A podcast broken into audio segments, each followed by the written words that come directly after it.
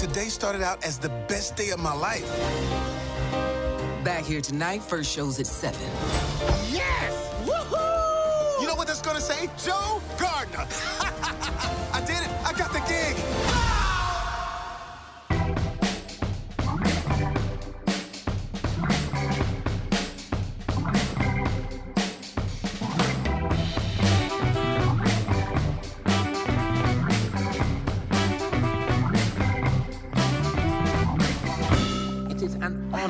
Prepare 22 for Earth.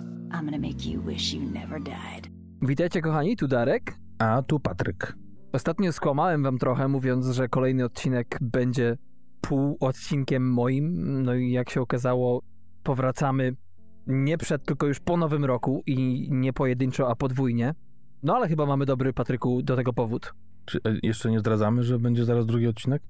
Nie, bo tak mi się skojarzyło Dead Proof i co tam było? Greenhouse. No tak, Double feature. tak, tak. A tu mówi, że podwójnie, że jesteśmy razem. Sorry. Trzy lata i cztery prawie i jeszcze widzisz. Takie nie, nieporozumienie. No właśnie, no ale tutaj prostujemy bardzo szybko. Pojawiamy się po nowym roku, kochani, na kwarantannie, ale z dwoma odcinkami, które mamy jeszcze dla Was. Dzisiejszy jest pierwszym z nich. No i potem dopiero idziemy na naszą zasłużoną, w cudzysłowie czy też nie, przerwę zimową. W cudzysłowie, bo Darku, o tym jeszcze nie mówiliśmy, że przecież przed nami Orka, czyli to oglądanie wszystkich filmów, których nie widzieliśmy, których y, trzeba. I już nie mówiąc o tym, że seriali by trzeba też trochę przekopać. A propos naszych podsumowań 2020 roku, było chyba serialowo to chyba najmocniejszy rok, w sensie takim ilościowo. Tego wychodziło sporo. Filmów też przecież nie mało, chociaż y, jak to Chris Tuckman podsumował ostatnio, że to najlepsze filmy najgorszego roku, ale jednak tych filmów trochę było. Więc no, nawet z kilku list takich, które już przeglądałem, top 10 to chyba z dwóch dziesiątek, to przynajmniej ośmiu nie widziałem, więc no trochę przed nami jest, więc y, nie wiem, czym tam zaczniemy po przerwie. No właśnie, to paradoksalnie chyba się nazywa przerwą, to znaczy pozwalamy Wam od nas odpocząć, bo rzeczywiście jak przed nagraniem, Patryku, powiedziałem Ci, że w zasadzie ostatnie dni to spędziłem raczej z dala od monitora, z dala od oglądania różnych rzeczy, na lekkim wyciszeniu i już wiem dlaczego tak mnie chyba natknęło. Po prostu też mam ten swój kajecik z różnymi tytułami i już widzę ile tutaj czasu zostanie straconego na dooglądanie, no żeby właśnie tak jak mówisz, uderzyć z grubej rury od razu z podsumowaniami corocznymi zresztą i serialowymi i filmowymi. Masz rację, nie był to rok jakiś mega genialny, ale też ratuje nas to, że jednak mamy jakieś sito, prawda, zwłaszcza jeśli chodzi o seriale, że nie oglądamy wszystkiego i potem z tego wybieramy, tylko jednak my też mamy jakieś tam kryteria, że nam to zawężają i upraszczają sprawę. Nie no wiesz, przede wszystkim końcówka roku dała kopa, jeśli chodzi o dobre produkcje, więc no tutaj chyba nam utorowała się ta pierwsza dziesiątka, bo tak jakby chyba kończyć rok gdzieś w listopadzie czy w październiku to byłoby naprawdę słabo. No dopiero potem zaczęły się te ważne tytuły. Niektóre poprzesuwane, a niektóre na przykład tak jak film, o którym będziemy mówić za tydzień, nie no, w następnym odcinku, ale prawdopodobnie jeszcze w tym tygodniu. Mhm. Film, który miał premierę przecież w 2019, jeszcze we wrześniu, ale do szerszej dystrybucji wszedł teraz w grudniu, Tak, tak. czyli miesiąc temu. I chyba będzie brany pod uwagę, jeśli chodzi o nagrody też właśnie za ten 2020 rok.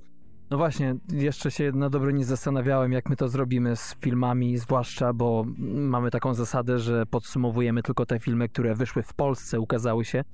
No w tym roku będzie to troszeczkę zbliżone chyba do światowych premier, bo w zasadzie wiele rzeczy, o których mówiliśmy, które widzieliśmy, to jednak są na platformach streamingowych. Zdecydowana większość z nich. Ale masz rację, dzisiejszy właśnie, tak jak i ten następny film, to są produkcje właśnie, które ukazały się pod koniec roku.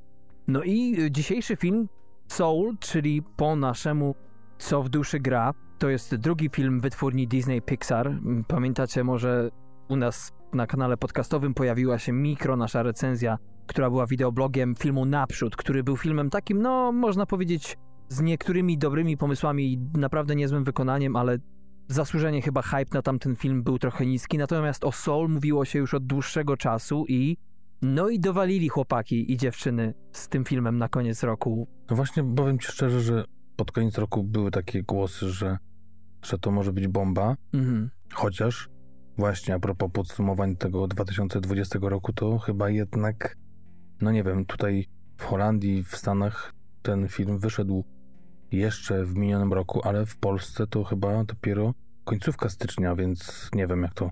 No tak jak mówisz, będziemy musieli się zastanowić, jak to rozwiązać, ale tak czy inaczej mówimy wam dzisiaj o nim, więc jesteśmy powiedzmy na czasie w miarę, a nawet przed czasem, ale yy, no jak wyszedł zwiastun pierwszy, to powiem szczerze, że oprócz tego, jako muzycznie to wszystko było fajnie spięte, to jakoś tak, nie wiem, nie, nie czułem tego. Mhm. Zresztą chyba po tym właśnie naprzód nie miałem jakichś zbytnich animacyjnych ambicji na ten rok, że coś y, mnie powali, ale no z tego, co słyszałem wtedy i teraz, jak już premiera się odbyła, że jednak wiele ludzi na to czekało i wielu krytyków ostrzyło sobie e, zęby na to, że, że właśnie to będzie coś wartego obejrzenia. No właśnie, tym bardziej, że facet, który wziął się jakby za główne stery, można powiedzieć, tej produkcji, czyli reżyser Pete Docter, to jest y, no weteran, jeden z kilku, którzy praktycznie są z tą wytwórnią od 23 już filmów, które wyszły spod szyldu Pixara. Pete Docter ma na swoim koncie nie tylko niesamowite filmy, bo i Toy Story i był scenarzystą do filmu Wall-E, za który ten scenariusz otrzymał wtedy Oscara i też ma na swoim koncie przecież dwa Oscary za e, W głowie się nie mieści, Inside Out i za Odlot. Według wielu jeden z najlepszych w ostatnich latach filmów tej wytwórni. Z czym ja bym się tam połowicznie tylko zgodził. I ja też, ale tak jak patrzysz na te, które wyreżyserował faktycznie, Mhm. no to już tego nie jest tak sporo, bo oprócz potworów i spółka, odlotu, w głowie się nie mieści, to to jest dopiero jego czwarty.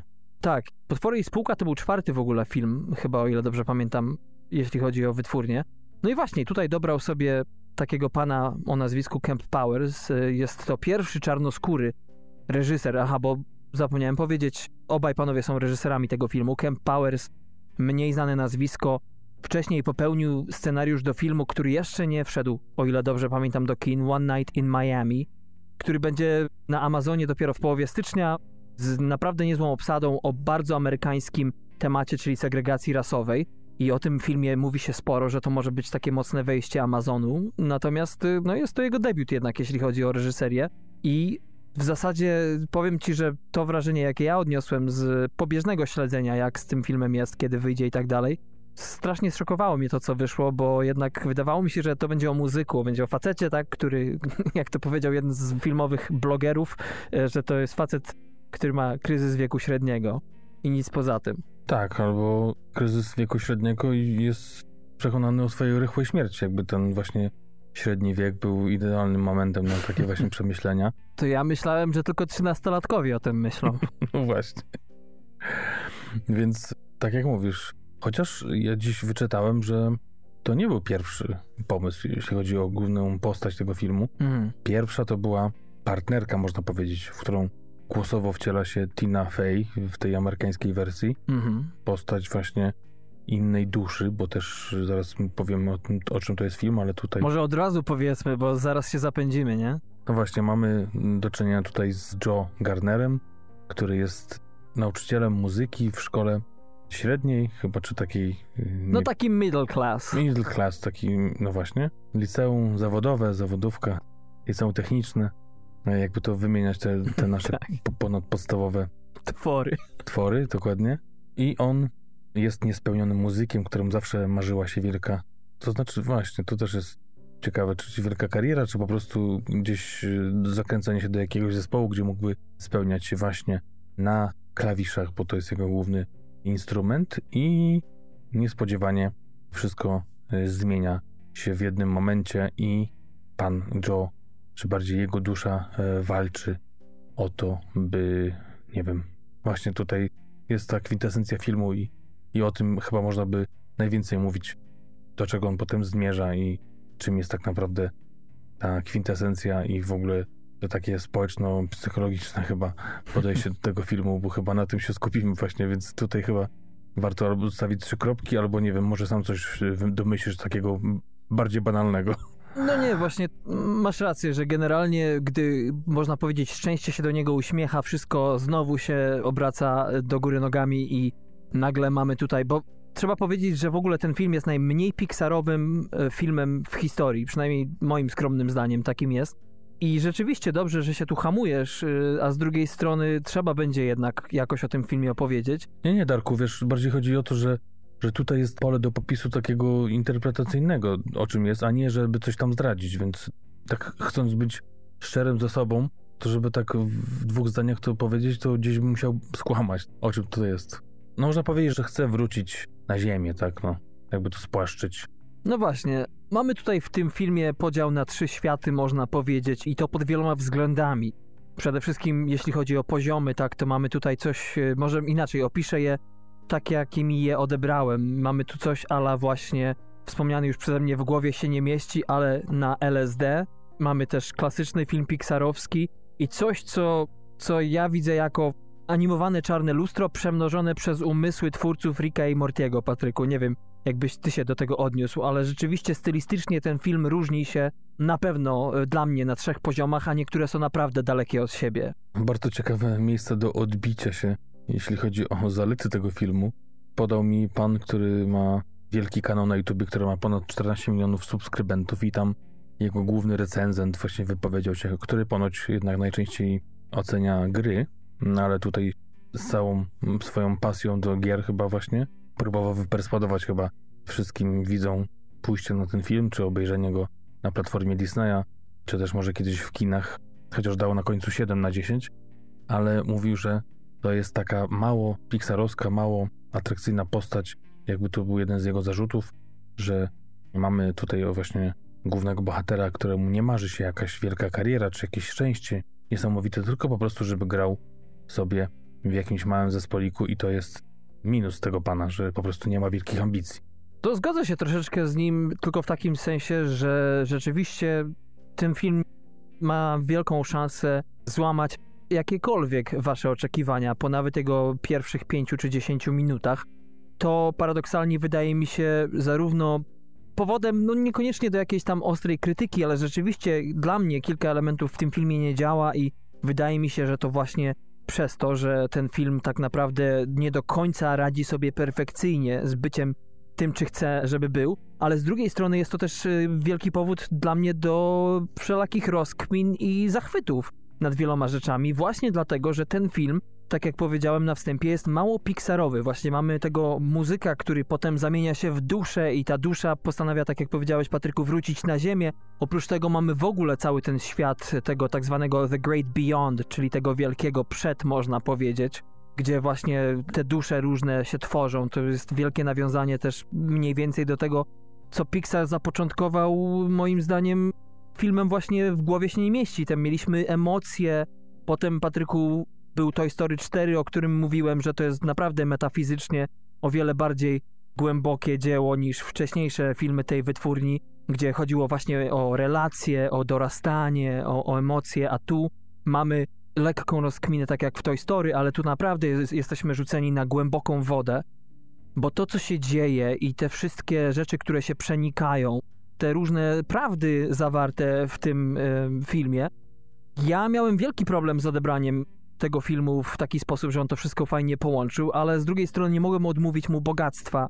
Jak ty to widzisz, Patryku? Czy to bogactwo twoim zdaniem działa na korzyść, czy na niekorzyść? Jak to się rozkłada u ciebie? Ja myślę, że trochę za szybko jeszcze wchodzimy w te no widzisz. głębokie mandry tego filmu, bo, bo jeszcze nie dokończyłem mojej historii a propos jak powstał koncept głównej postaci tego filmu, ale tylko jedno, do jednej rzeczy nawiążę, że jak mówiłeś o tym, że to są trzy filmy, to ja miałem w głowie, że to są trzy światy i jakoś tak zostało mi to w głowie, a ty zacząłeś rozwijać te rodzaje animacji, a właśnie mamy tutaj takie trzy światy, czyli coś, co się dzieje przed narodzinami, mhm. potem mamy życie na ziemi i to, co jest po.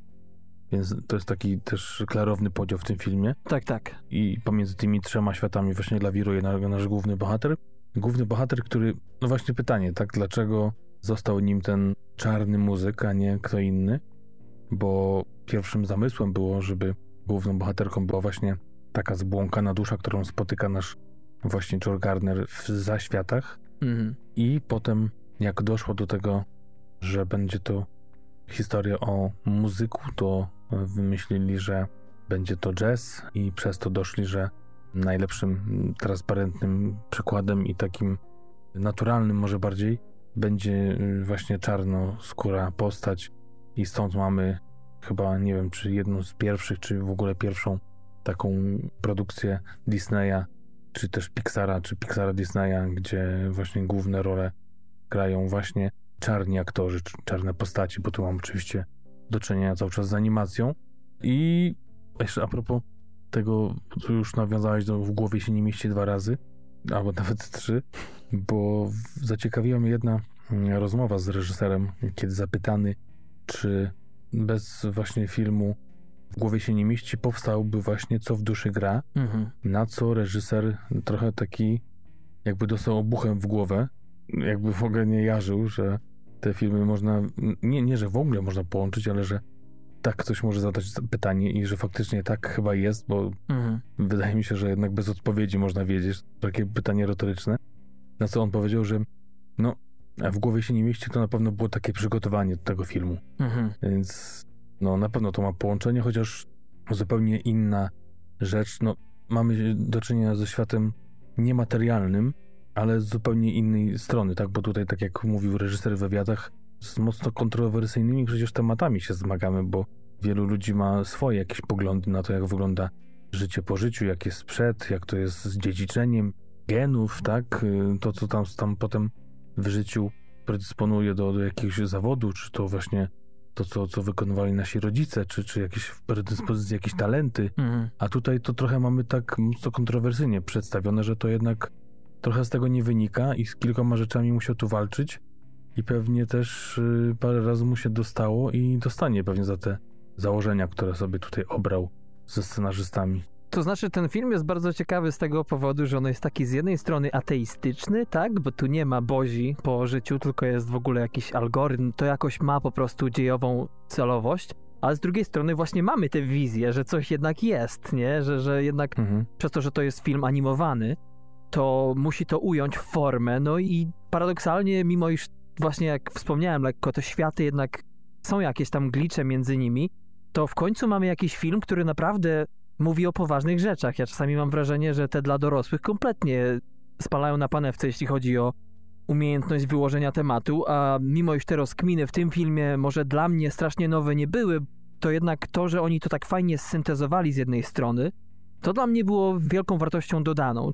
I byłem zdziwiony też, że tego w ogóle w zasadzie tak strasznie w filmach nie ma dla dorosłych, bo to bardziej obyczajowość zawsze jest jakaś. A tu jeszcze obuchem nas jakby uderzają, że to jest tak bezkompromisowe.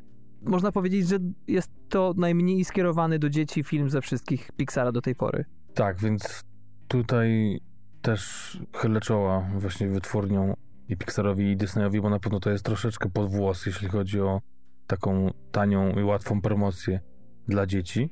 Myślę, że jeden z takich filmów, gdzie na pewno więcej wyniesie, więcej zrozumie i bardziej intelektualnie zostanie zabawiony, chociaż może intelektualnie to nie odmawiam dzieciom intelektu, ale jakby bardziej pobudzona zostanie, o może ogólnie powiem, głowa dorosłego niż dziecka, tak? Mhm. I to też nie każdego, Oczywiście. żeby nie było. Tak, tak, ale że to nie jest taka właśnie łatwa i przyjemna rozrywka. I też pytanie, czy właśnie dzieci będą się na tym bawić tak, jak powinny, a właśnie dorośli wyniosą coś więcej, czy to będzie z taką stratą dla dziecka? No ale to trzeba by zapytać dziecka. No, na pewno jeśli chodzi o warstwę humorystyczną, to ilość żartów w trakcie tego seansu wydaje mi się, że zapewni tutaj rozrywkę tym najmłodszym, którzy właśnie być może nie przerobili jeszcze niektórych tematów egzystencjalnych. Ale wiesz, ciężko liczyć dorosłemu żarty dla dzieci to do jednego. No wiesz, zmierzam do tego, że dla mnie na przykład wielkim plusem w tym filmie są te wspomniane rozkminy, tak ogólnie rzecz biorąc, nie zdradzając za wiele. Natomiast humor, moim zdaniem, tutaj drugi raz jak oglądałem ten film, to szczerze powiedziawszy, dla mnie jest najsłabszą rzeczą w tym filmie, że te żarty za pierwszym i za drugim razem mnie za bardzo nie śmieszyły, ale jednak to tempo, w jakim to się wszystko dzieje i ta troszeczkę, nie wiem czy to dobre słowo, określenie jest nachalność, z jaką ten film nas wtrąca w kolejne etapy swojej historii, to wynagradzało mi troszeczkę jednak jakieś tam niedostatki. No bo tutaj mówię, już nie ukrywam, że jednak po tym drugim seansie to jeszcze mam więcej ale, jeśli chodzi o ten film, ale z drugiej strony jest on i tak strasznie wyjątkowy dla mnie. Jeden, powiem ci, recenzent dał temu filmowi zgniłego pomidora na Rotten Tomatoes, ale przy ocenie 3 na 5. Może gdzieś opuszkiem palce na- nadepnął na końcu i się rozlało. No, Albo tak jest rozdarty jak ja, jeśli chodzi o ten film. Powiem ci szczerze, że jak ja skończyłem pierwszy raz, to byłem zachwycony, chociaż widziałem mm, niedociągnięcia. Czasami mnie to trochę bolało, y, chociaż w pierwszym momencie próbowałem to sobie gdzieś tam rozmydlić i nie zaprzątać sobie głowy, żeby po prostu się bawić. Film akcji dla mnie, tak? Po prostu nie ma chwili przerwy. Mhm. E, Tak jak powiedziałeś, że za nic nie przepraszają, lecą do przodu i na nikogo nie czekają. I tak jak tylko skończyłem ten pierwszy raz, to chciałem oglądać drugi, ale jak obejrzałem ten drugi raz, to już szczerze mówiąc, przez to, że to były dwa chyba dni różnicy, to znałem wszystkie te zwroty akcji. Jakkolwiek dalej to było niesamowitą wartością oglądanie nawet od strony technicznej i też w ogóle rozwoju tej postaci też, też te żarty niektóre jeszcze lepiej weszły, bo to też oglądałem oczywiście po angielsku, bo taka jest tego wersja, nie ma jeszcze oficjalnej wersji polskiej, więc z taką ścieżką dźwiękową i też y, napisami oglądałem, więc niektóre żarty y, gdzieś tam do mnie doszły za tym drugim razem, ale jednak już moim zdaniem traci to przez to, że, że ta akcja goni i właśnie te zwroty akcji. I to tak jak Darku mówiłem, czy pisałem zaraz po tym, jak obejrzałem pierwszy raz, że to nie chodzi nawet o zwroty akcji takie, że nie wiadomo, kilka jest takich typowych, że coś nagle nieoczekiwanego się staje, tylko po prostu myślimy, że film jest o jednym, a to bardzo szybko dochodzi do tego końca i zaraz jest o czymś następnym. I myślimy, że to jest już o tym drugim, o, no to to pewnie będzie o tym, a tam za 10 minut dochodzimy do tego i dalej to trwa. I to są te zwroty akcji, jak żeby ten, jakby ten film nas zaskakuje, jaki będzie tak naprawdę finał, gdzie to dojdzie wszystko i co nam będzie próbowało wytłumaczyć, bo się wydaje, że przynajmniej są ze cztery zakończenia, w tym pierwsze jest może już po 20 minutach, tak? Tak, masz rację. Właśnie to jest też to, co lekko mi ciążyło na odbiorze tego filmu, bo zgodzę się na pewno, że każda warstwa jest bardzo bogata. Zresztą to jest pięknie zrealizowany film. Jak możecie oczywiście się domyślać od strony graficznej, masz rację, za drugim razem jak oglądałem, to jednak najwięcej zwracałem uwagi na wszelakie rozwiązania i rzeczywiście tu pomysłowość zaskakuje tych światów, co się dzieje, kiedy bohater przenika przez e, jeden czy drugi, jak to się zmienia przed naszymi oczyma. Też jak te światy jednak mimo wszystko są skąpane w swoistym humorze, który też działa miejscami i, i na przykład mamy tu postać Jerego w mm, tym wielkim przed, można powiedzieć, The Great Beyond w wielu postaciach. To nie zdradzając za wiele, to są fajne takie myki, które pozwalają się wtopić w każdą z tych rzeczy, ale mi osobiście nie wiem dlaczego już za pierwszym razem, mojej rodzinie nie, wszyscy byli wlepieni w to, twierdzili, że to był najlepszy film roku, zresztą na Facebooku też moi znajomi tak samo do tej pory się wypowiadają, a ja byłem skonfundowany strasznie, bo stwierdziłem tak, dostałem trzy różne historie, bardzo na swój sposób skromnie, ale też bogato w tym skromnym sposobie opowiedziane, ale ni chuchu mi się to łączy w jakąś całość dobrze spiętą do końca. Więc y, i moja ocena będzie skomplikowana, bo z jednej strony nie mogę odmówić mu różnych walorów estetycznych, z drugiej strony tematów, ale z trzeciej, na ile tu na ocenie zaważy jakiś ten osiągnięty balans? Jak ty to, wracając do poprzedniego zagalopowanego przeze mnie pytania, jak ty widziałeś? Widziałeś tu jakieś szwy? Było coś, co jednak w końcowym rozrachunku twoim zdaniem jest niedokończone, niedobrze poprowadzone, czy jednak dałeś się porwać temu strumieniowi? Nie, ja się dałem całkowicie za pierwszym razem porwać, chociaż niektóre skróty myślowe, niektóre rozwiązania takie jakby analizować na szybko, jakie pomysły tutaj mieli, jak właśnie te światy się przenikają, co jest przed życiem, to jest po, e, jak to się łączy, jak można łatwo czy trudno cofnąć się, czy przejść do innego świata, to czasami tutaj mi ta struna tak trochę nie grała zbyt czysto, bo Mhm. wydawało mi się, że, że trochę tych uproszczeń jest za dużo i trochę nieprzemyślane są te decyzje. Mhm. Nawet na przykład, no, niedużo spoilując, ale kiedy nasz bohater znajduje się na drodze już do zaświatów i nagle uzmysławia sobie, że on nie chce jeszcze tam iść, tylko chce wrócić, Mhm. to się okazuje, że na tej drodze nie ma ani jednej osoby, która jest w tej samej sytuacji, która by chciała wrócić do życia. To jest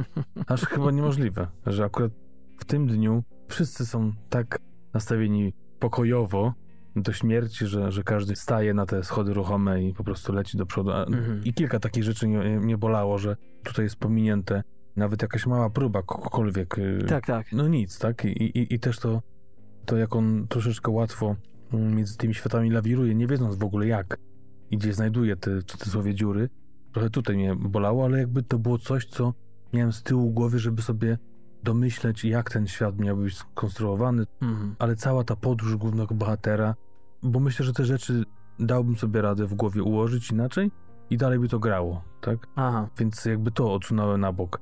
Ale sama historia mnie porwała do końca, tylko nie wiem, czy końcówka nie jest może nie przekombinowana, ale zbyt wiele guzików dopięli moim zdaniem trochę. No tam na pewno moim zdaniem wylądowali mocno tę końcówkę i ona mi zrobiła sama w sobie, ale tak e, jeśli chodzi o istnienie tej końcówki, jakby jakoś odrębnie ją widzę. Mhm. A dlaczego tak o tym w ogóle wiercę dziurę? Bo powiem ci szczerze, że jak dni mijały od seansów dwóch tego filmu i więcej o tym myślałem i notowałem sobie, to wyszło mi po prostu na to, że ja mam problem w ogóle z tym przede wszystkim, czy to jest dobry film, czy nie. Z tego względu, że tak jak powiedziałem, reakcja ludzi, których znam na różnych platformach czy w realu jest na pewno stuprocentowo za. Natomiast mimo wszystko wydaje mi się, że to jest takie zbicie z pantałyku nas przez te wytwórnie, jeśli chodzi o tematykę podjętą w tym filmie, że być może po prostu to jest z jednej strony, tak tylko mniemam, dowodem tego, że my się strasznie wypościliśmy jednak mimo wszystko w tym roku, gdzie te, to jeszcze dojdziemy oczywiście po przerwie, podsumujemy te filmy, ale ja widzę zawsze jakieś ale. W każdym prawie nie ma filmu dla mnie perfekcyjnego w tym roku. Jeszcze się nie zdarzył. Przynajmniej jeszcze kilka mam do obejrzenia. Natomiast Mhm. mimo wszystko właśnie ten film się wyróżnia na tyle właśnie odwagą, jeśli chodzi o podjęcie danego tematu, że to nam strasznie tę ocenę jakby podwyższa. A z drugiej strony pomyślałem sobie, a może to rzeczywiście może coś jest w tym, że ten film jest inny jak każdy, ponieważ jest o jazzie mimo wszystko. I raz, że tu już malutki spoiler zaczyna się niesamowicie, jeśli chodzi o tą czołówkę Disneya, to po prostu polecam wam obejrzeć, bo to jest smaczek w smaczku i ja już leżałem rozbrojony na, na tym. To on jakby zdaje się ma taki dziwny rytm właśnie ala klasyczny jazz z jakąś tam synkopą. Jest troszeczkę nierówny, lubi zaskakiwać, trochę jest improwizacji, potem znowu troszeczkę klasycznych motywów, kiedy tę publiczność z powrotem do życia orkiestra przywołuje. Nie wiem. Tak mi jakoś siedzi to, że, że, że być może tutaj, tak jak na koncercie jazzowym, wsłuchasz się czasami w tą matematykę tej struktury, to może ja byłem non-stop na kontrze do tego. Mówię, nie, nie, tutaj proszę bardzo równe rytmy, tak jak do czego mnie Pixar przyzwyczaił. No tak, w ogóle cały film nie dość, że jest o jazzie, to w tle mamy jazz, jak jest jakaś akcja, ktoś gdzieś biegnie, to oczywiście w rytmie jazzowym, w rytmie tej muzyki, która leci w tle. Co tu dużo mówić, trend y, Reznor znowu nam się kłania, Tak, tak. czyli osoba, która no chyba może mieć kilka nominacji do Oscara, jeśli chodzi o ten rok, bo mamy przecież genialnego Manka, gdzie w ogóle zrezygnował z, z, ze swoich syntezatorów. Tutaj w ogóle wszedł w strefę jazzu, więc też wydawałoby się dość odległy Mhm. dla siebie kawałek chleba, ale jednak ta para, która tutaj tworzy muzykę, czyli Reznor i Ross, która zdobyła Oscara za Social Network, może powtórzyć, myślę, ten sukces. I zastanawiam się, gdzie jest koniec talentu tych panów tak naprawdę, bo Tak, tak. jak można dotykać tak odległych od siebie gatunków muzyki i tak być genialnym w tym i tak wpasowywać się niesamowicie w klimat y, tych filmów, y, których y, są tłem. Dokładnie, tym bardziej, że przecież e, no, tu można powiedzieć, że być może w animacji, nie wiem, nie znam się, ale wypowiem, troszeczkę to inaczej działa, w sensie dopasowania animacji do muzyki, tak tutaj być może można to lepiej zaplanować niż kręcąc normalny film, ale właśnie w przypadku Manka, o którym wspomniałeś, to ten film jest genialnie udźwiękowiony. Ci panowie mają naprawdę niesamowite wyczucie nie tylko rytmu, ale emocji. I wiedzą, jak to dawkować, wiedzą, jak to wszystko spajać. Mank, którego polecam, jeżeli to jeszcze nie jest oczywiste w naszych odcinkach, obejrzenie na słuchawkach, chociażby właśnie dla tej przestrzenności dźwięku, nie de facto odwzorowania realiów lat 30., ale nagłośnienia ich właśnie w taki dość specyficzny, przestrzenny sposób. No tutaj y, oprócz tego, że udźwiękowiają ten film, to świetnie to współgra jeszcze w dodatku z y, aranżacjami jazzowymi autorstwa Johna Batista. E, Jak ktoś ogląda program rozrywkowy Stevena Colberta, to kojarzy tego pana, bo on jest tym właśnie frontmanem orkiestry, bo to każdy teraz i Jimmy Fallon i Jimmy Kimmel i tak dalej, każdy ma swoją orkiestrę. Także tutaj jest John Batiste, który genialnie wykonuje te, te rzeczy, które potem nasz główny bohater, Mhm, bo tam tutaj też mamy sporo tej magii mhm. jazzowej, kiedy nasz bohater, co też jest jedną z głównych osi w tym filmie, przenosi nas w ten świat, gdzie człowiek jest skupiony, staje się jednym i tym samym z tym, co wykonuje. W jego przypadku jest to gra na pianinie. Właśnie, Darku, takie pytanie teraz dość od strony właśnie tej, tej duchowej. Ale to poza anteną, czy... Nie, nie, nie, nie, nie. Tutaj oczywiście związane z tym filmem i już nie mówiąc o tym, że u mnie to jest związane z następnym filmem, o którym będziemy mówić, Mhm. ale ja sobie nie, nie chcę wracać do swoich rozterek a propos mojej pracy, czy ją lubię, czy nie. Powiedzmy, że zostawmy to. Nie, to zapraszamy do ostatniego.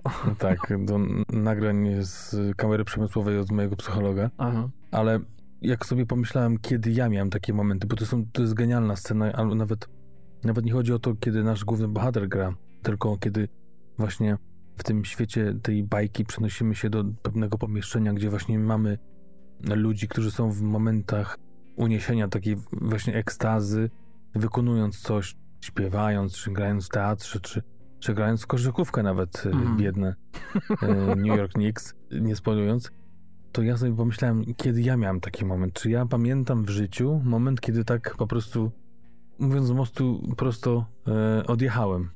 No powiem ci szczerze, że aktorzy to my mamy jeszcze je- taki meta wewnątrz meta poziom tego, kiedy jesteś w momencie, wiesz, in the moment, jak to mówią, kiedy robisz coś i nagle patrzysz na siebie z trzeciej perspektywy i mówisz, wow, jestem w tym momencie.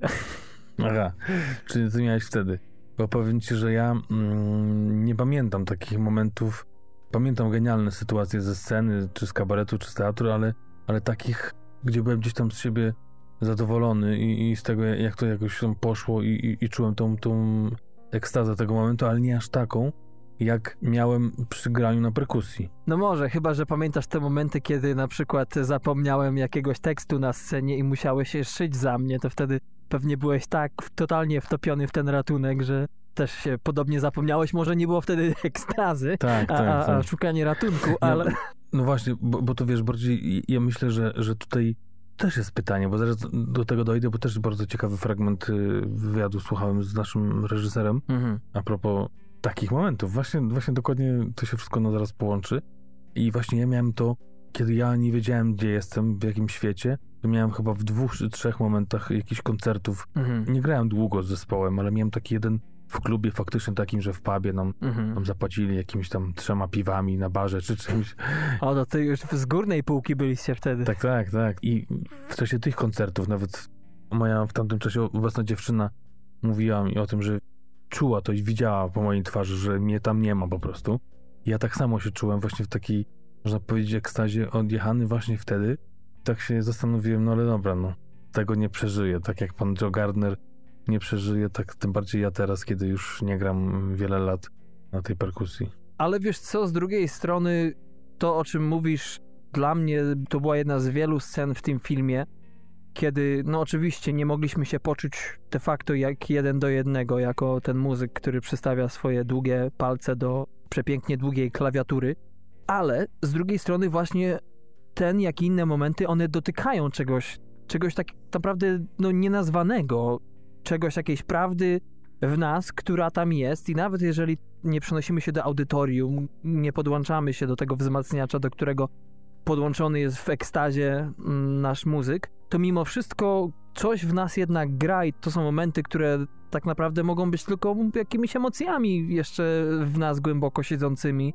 Ale miałem tak, zwłaszcza właśnie w tych momentach muzycznych i w końcówce, kiedy coś takiego siadło po prostu we mnie. I nawet niekoniecznie potrafiłem to nazwać, ale, ale wiem, że, że doznałem czegoś, co po prostu było prawdziwe, że on jednak w tych momentach wypełnia to, że nie dość, że piękna muzyka jest, jak ja oczywiście na słuchawkach oglądałem ten film, to w ogóle mnie to przenosiło. Nawet na telewizorze na ścianie z rodziną, jak oglądaliśmy za pierwszym razem, to też dawało radę. Ale jednak chyba powiem ci szczerze, że jeśli chodzi o moment y, obrotowy tego wszystkiego, tych scen, one jednak potrafią bardzo fajnie, i tu ukłon dla twórców y, tego filmu, potrafią naprawdę sprawnie nas szybko przenieść, bez jakiegoś właśnie przeskoku, glitcha. No i to było jedną z takich dla mnie głównych zalet, właśnie to, że, że ciężko porównać, że coś robisz z pasją i się gdzieś tam ekscytujesz i odjeżdżasz, do tego, jak oglądasz coś, przez co odjeżdżasz, ale no, miałem takie momenty, nie, że odjeżdżałem, ale właśnie, że czułem się tą postacią, czułem się, że to jest też film w jakimś sensie o mnie i dlatego teraz patrzę na ten tytuł, co w duszy gra, myślę, że to jest mocno głębokie, Mhm. to tłumaczenie. Naprawdę można by wszystkie te uczucia gdzieś tam zmieścić w tym, w tej duszy i co tam gra, bo i łączy się z tym jazzem i, i tak naprawdę co człowiekiem powoduje, jaki jest cel życia, czy jest jakiś cel, czy ten cel musi być naprawdę wielki, żeby człowiek był wielki i ceniony. Więc tutaj dużo się mieści w tym krótkim zdaniu i soul pewnie też jako dusza, po angielsku też pewnie to wypełni w jakiś sposób. Chociaż wydaje się prostym tytułem, mm, dużo prostszym niż właśnie ten polski. Mm. A oprócz tego oczywiście ta perkusja, którą kocham do dziś, więc te podbijajki przy gdzieś jakichś pogoniach, wyścigach, to, to wszystko oczywiście u mnie grało. Ja też oglądałem to na słuchawkach, więc zawsze mam dodatkowe jakieś bicia serca, jak słyszę taką genialną perkusję. Mm. To też pewnie mi gdzieś tam pomogło. Leci z tym klimatem, z tym flowem filmu, nie zważając na te właśnie niedociągłości, które, które jednak właśnie co jakiś czas wpadały i gdzieś tam trochę ubolewałem nad tym, ale jednak całościowo no, było wielkie wow po zakończeniu i niesamowita euforia, więc raz rzeczywiście taki rok jest, że może po takim roku też taki film inaczej odbieramy, bardziej emocjonalnie niż, niż racjonalnie, bo potrzebujemy czegoś, co faktycznie daje jakąś nadzieję. Tutaj jest, nie jest do końca tak wesoło, ale jednak koniec końców chyba jednak pozytywnie. No na pewno zgodzę się tutaj z tobą, bo y, wielką jednak zaletą tego filmu jest to, że bardzo sprawnie dawkuje nam bardzo ciekawe postaci, bo oprócz właśnie głównego bohatera, czy wspomnianej 22, czyli tej duszy, z którą się nasz główny bohater zaprzyjaźnia w taki czy inny sposób, mamy też postać perkusisty, jego byłego studenta, który jest również właśnie w tym filmie związany z losem muzyka. Mamy jego mamę, mamy ciotki, wspomnienie relacji z ojcem i też mamy takich bohaterów jak na przykład jego fryzjer, których funkcja jest troszeczkę dydaktyczna, jeśli chodzi o, o to, co nam podaje twórca, jak nasz główny bohater właśnie uczy się życia, o życiu od innych ludzi, ale z drugiej strony pomyślałem sobie, że tak, raz, że to jest przepięknie nowojorski film, więc w ogóle dla mnie to wiesz, już od razu odpływa mnie, tak jak na Spider-Man uniwersum, też Mhm. bardzo ładnie ten Brooklyn był odtworzony, komiksowo bardzo, ale dwa właśnie ci ludzie, którzy mają jakiś tam zawód w ręku i często o nich się myśli, że po prostu no to jest fryzjer, tak, nie ma nic innego poza tym, nagle zaskakują nas swoim życiorysem i to nie jest tylko jakaś dydaktyczność tego, że o tutaj nagle nie oceniaj, wiesz, książki po okładce, tak, że to nie jest takie tylko grubo ciosane, ale właśnie tak jest z większością z nas, że Nowy Jork, okej, to jest miasto, gdzie rzeczywiście wiele osób ma bardzo wiele różnych talentów i najczęściej nie zarabia za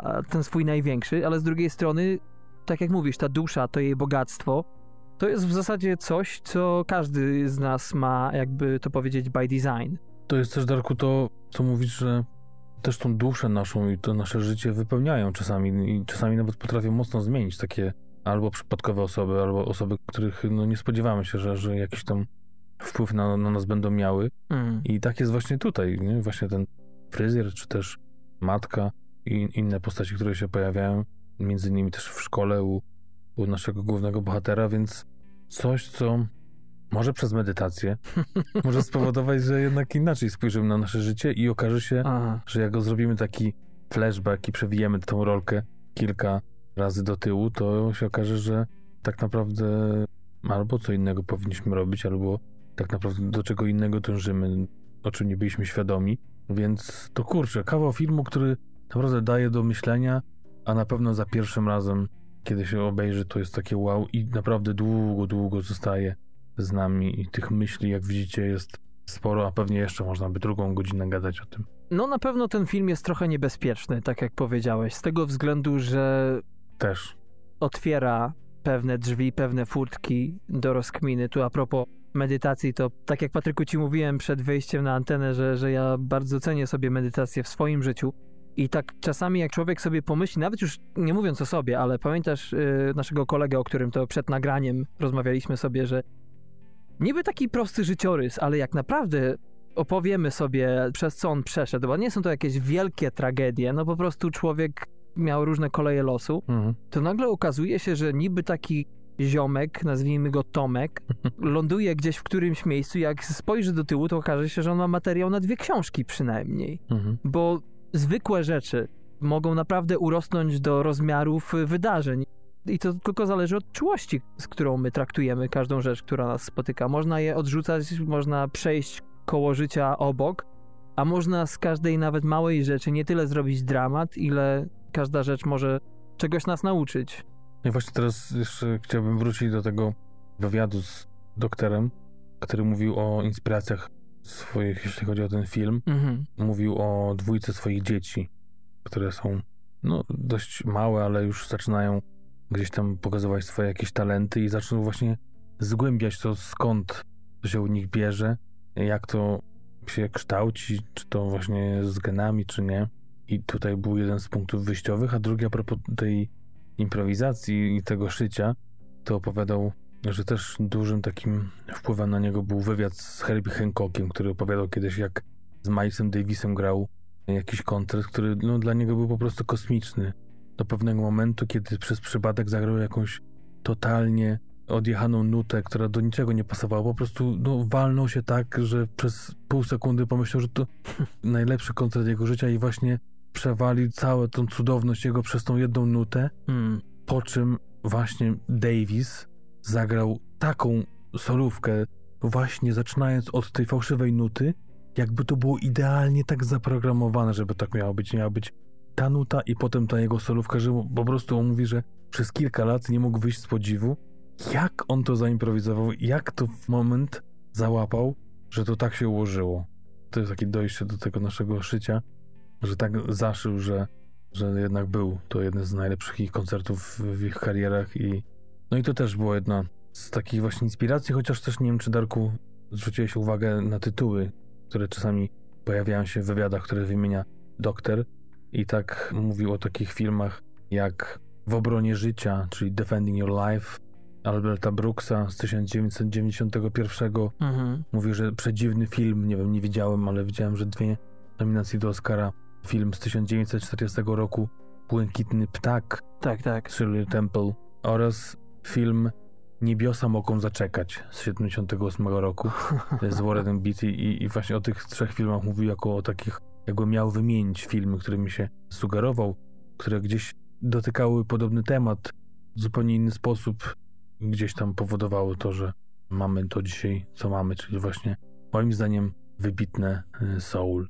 Tak, to jest ciekawe, jak ten film musiał się zmieniać w trakcie prac nad nim, ponieważ od momentu, no nie pierwszego klapsa, ale przyniesienia pierwszych pomysłów do momentu ostatniego zgrania na dysk minęło 5 lat. I w tym czasie też wiele rzeczy się zmieniało. Oczywiście wyszło Inside Out, no to ono wyszło y, przed y, pracami nad tym filmem, ale mimo wszystko tam też sporo doszło do zmian Zwłaszcza jeśli chodzi o samo zakończenie, ostatnie zdanie, jakie pada w zakończeniu tego filmu. Tak, tak. To też moim zdaniem, jak chcecie, to możecie sobie wyczytać o tym na NDB, ale e, już po, mam nadzieję, seansie i to była akurat świetna zmiana. Ale rzeczywiście tutaj niesamowitą robotę musieli ludzie odstawić, bo to jest mocno naprawdę ryzykowny film.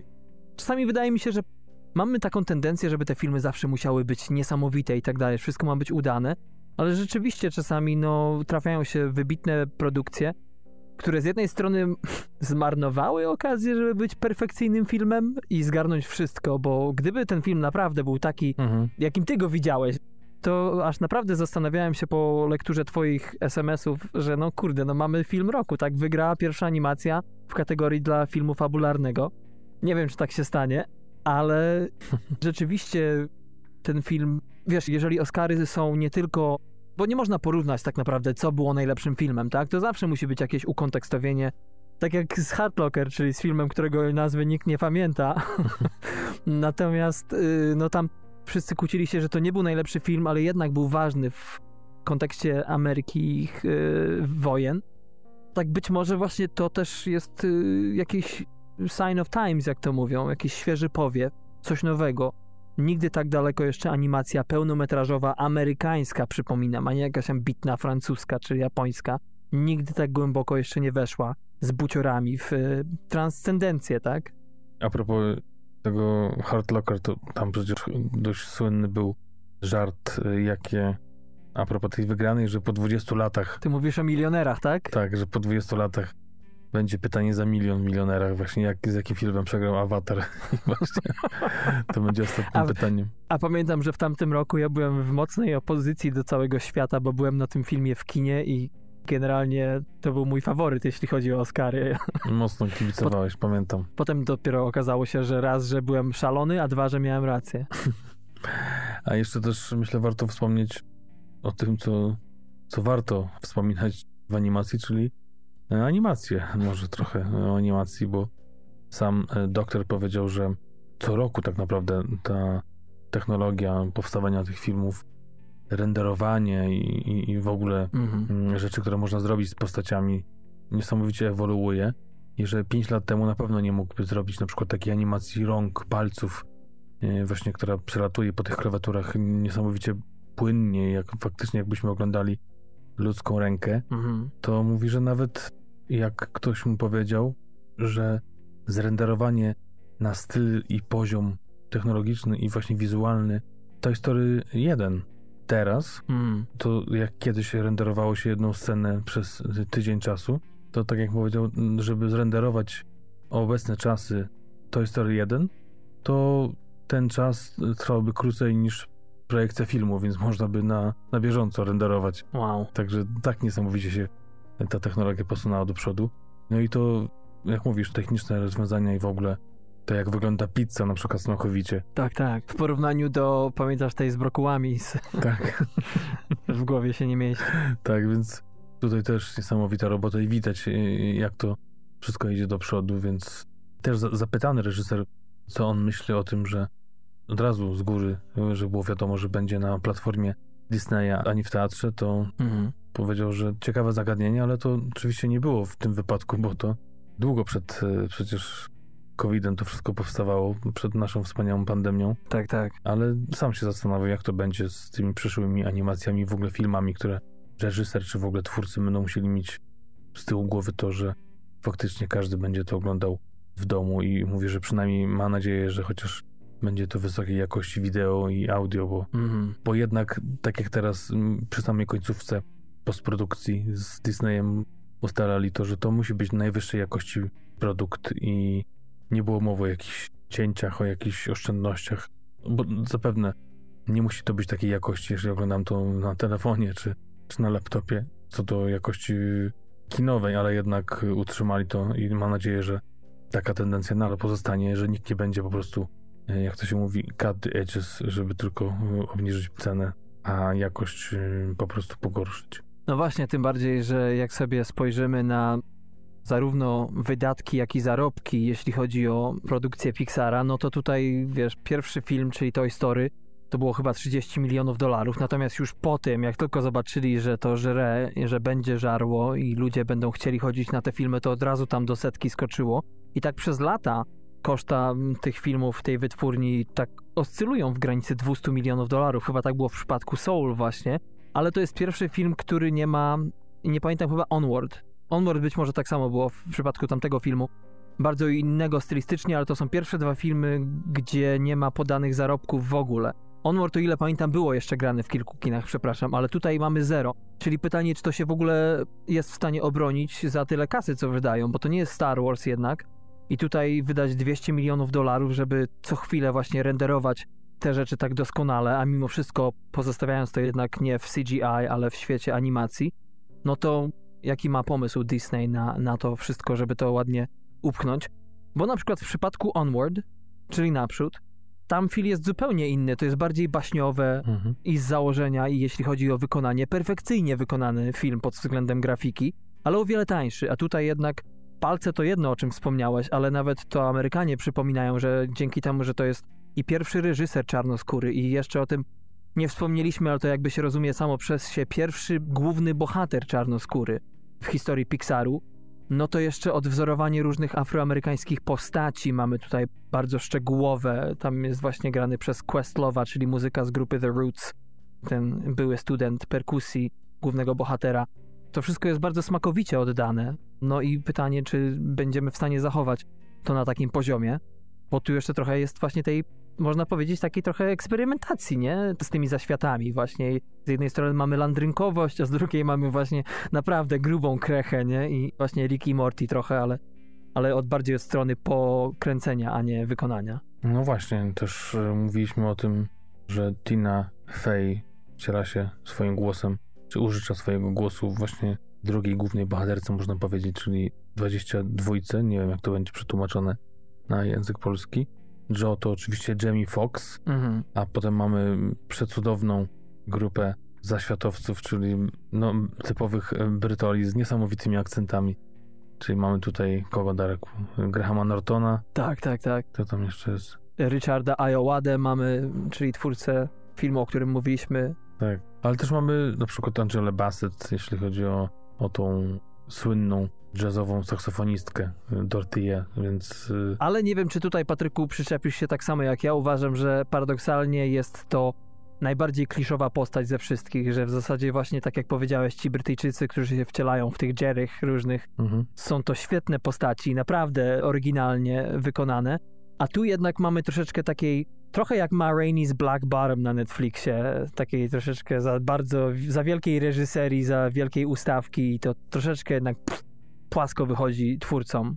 Chociaż Angela Bassett przepięknie się wywiązuje ze swojej roli. No tak, tylko właśnie to też jest pytanie, czy to tak miało być, czy to jakiś jest flop, który, czy jakiś błąd, na którym nie zapanowali, bo Mhm. raz, że to jest w pełni wymyślona postać, nie ma takiej nawet postaci w historii muzyki, to też mówił o tym reżyser, Mhm. to po prostu jakaś taka, wiesz, posągowa, zarozumiała gwiazda, y, właśnie trochę może na wzór... No taka Ma Rainey. Właśnie.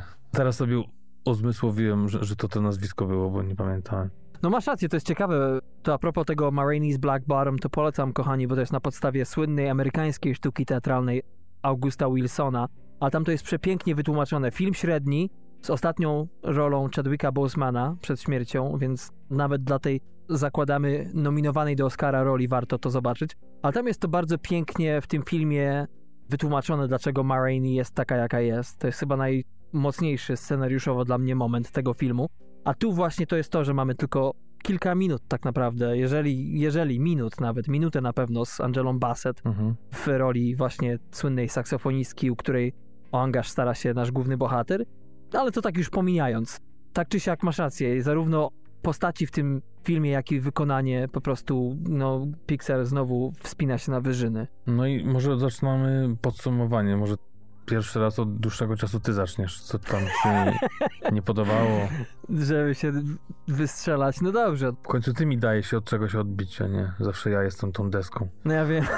No słuchaj, to po antenie pogadamy. Natomiast, kochani, Patryku, co mi się bardzo podoba w tym filmie, to to, jak powiedziałem, jest to film o poważnych tematach, o priorytetach, o wartościach, które wyznajemy, o znalezieniu samego siebie w tym wszystkim. To film, który właśnie z jednej strony jest jak jazz, a z drugiej strony też ma bardzo sporo fajnych pixarowskich typowo smaczków. Bardzo sporo konceptów jest w tym filmie, nie wszystkie dobrze działają, moim zdaniem, i właśnie czasami widać szwy. Koniec końców, film wydaje mi się, że jednak mimo wszystko lekko ugina się pod swoim ciężarem, fabularnie rzecz biorąc. Tak jakby, nie wiem, może na wszystko nie było jednakowo czasu, bo być może to jest tak jak z Mankiem, że no wiele można by tutaj rzeczy rozwinąć, ale to nie o tym. Tak jak powiedziałem, ktoś dał temu filmowi 3 na 5 przy zgniłym pomidorze, ja dam temu filmowi 13,5 na 15, chociaż gdybym oceniał go naprawdę solidnie, tak jak powinienem, to zjechałaby ta lekko ocena, ale jednak mimo wszystko nie mogę odmówić tu tego, o czym ty powiedziałeś, Patryku, że jak porwie, to porwie. I mogę ja się wzbraniać przed tym, ale przecież to ja chciałbym, żeby ktoś mi wytłumaczył to, co przed chwilą było. To jednak sama jazda to wielka frajda i najbardziej nieoczekiwany film roku, moim zdaniem. Nieoczekiwany, czy nieoczywisty, czy... W takim sensie oczywiście, że jak już chyba wspomniałem, z jednej strony myślałem właśnie, że to będzie film o tym, a z drugiej strony nagle jak wszystko to siadło w mojej głowie, to wyjątkowo pierwszy raz w życiu byłem jedyną osobą, która nie wiedziała, co powiedzieć. Jeśli chodzi o mnie, to też muszę przyznać, że to jest chyba jednak. No, oczywiście jeszcze przed nami kilka filmów, ale do tej pory z tych filmów, które widziałem, animowanych czy fabularnych, to najlepszy film roku. Chociaż ma swoje niedociągnięcia, to przez to jaki jest flow całej tej historii, jak Pixar z Disneyem genialnie tutaj, tak jak powiedział Darek, połączyli właśnie tą warstwę emocjonalną z taką dość ciekawą, bardzo ciekawą nawet, dość to mało powiedziane, rozkminą na temat sensu życia, na temat przewartościowania, końca życia, ale też co jest w nim ważne, plus niesamowitą wartość rozrywkową. Myślę, że więcej takich żartów Darek mówił, że dla dzieci, ja myślę, że jednak dla dorosłych więcej, kiedy dziś przytaczają się dość może kliszowe i, i takie trochę banalne żarty, jak pojawiają się, nie wiem, Matka Teresa, Mhm. czy jakieś takie słynne postaci. Już nie będę mówił w jakim kontekście, ale gdzieś tam przewijają się te, powiedzmy, cytaty z tych postaci. Czy tam Albert Einstein, czy nawet nasz Kopernik. Tak. To są to jakieś żarty trochę takie banalne, ale jednak uśmiechnąć się da spokojnie, bez zaciskania zębów. To moim zdaniem ten rytm jazzowy na wielu poziomach wciąga. Światy przenikające się i, i postaci barwne też przyciągają. Niesamowicie zawrotna akcja. Też się tego nie spodziewałem, ale tak jak mówi Darek, czasami troszeczkę zwalnia, ale to tylko na chwilkę. Na przykład, żeby pokazać, że tak naprawdę ten kot, to on najlepiej to by tylko w słońcu leżał i nieważne jaka akcja się dzieje, Tak, tak. to e, i w ogóle film złożony ze samych smaczków, których może aż jest za dużo.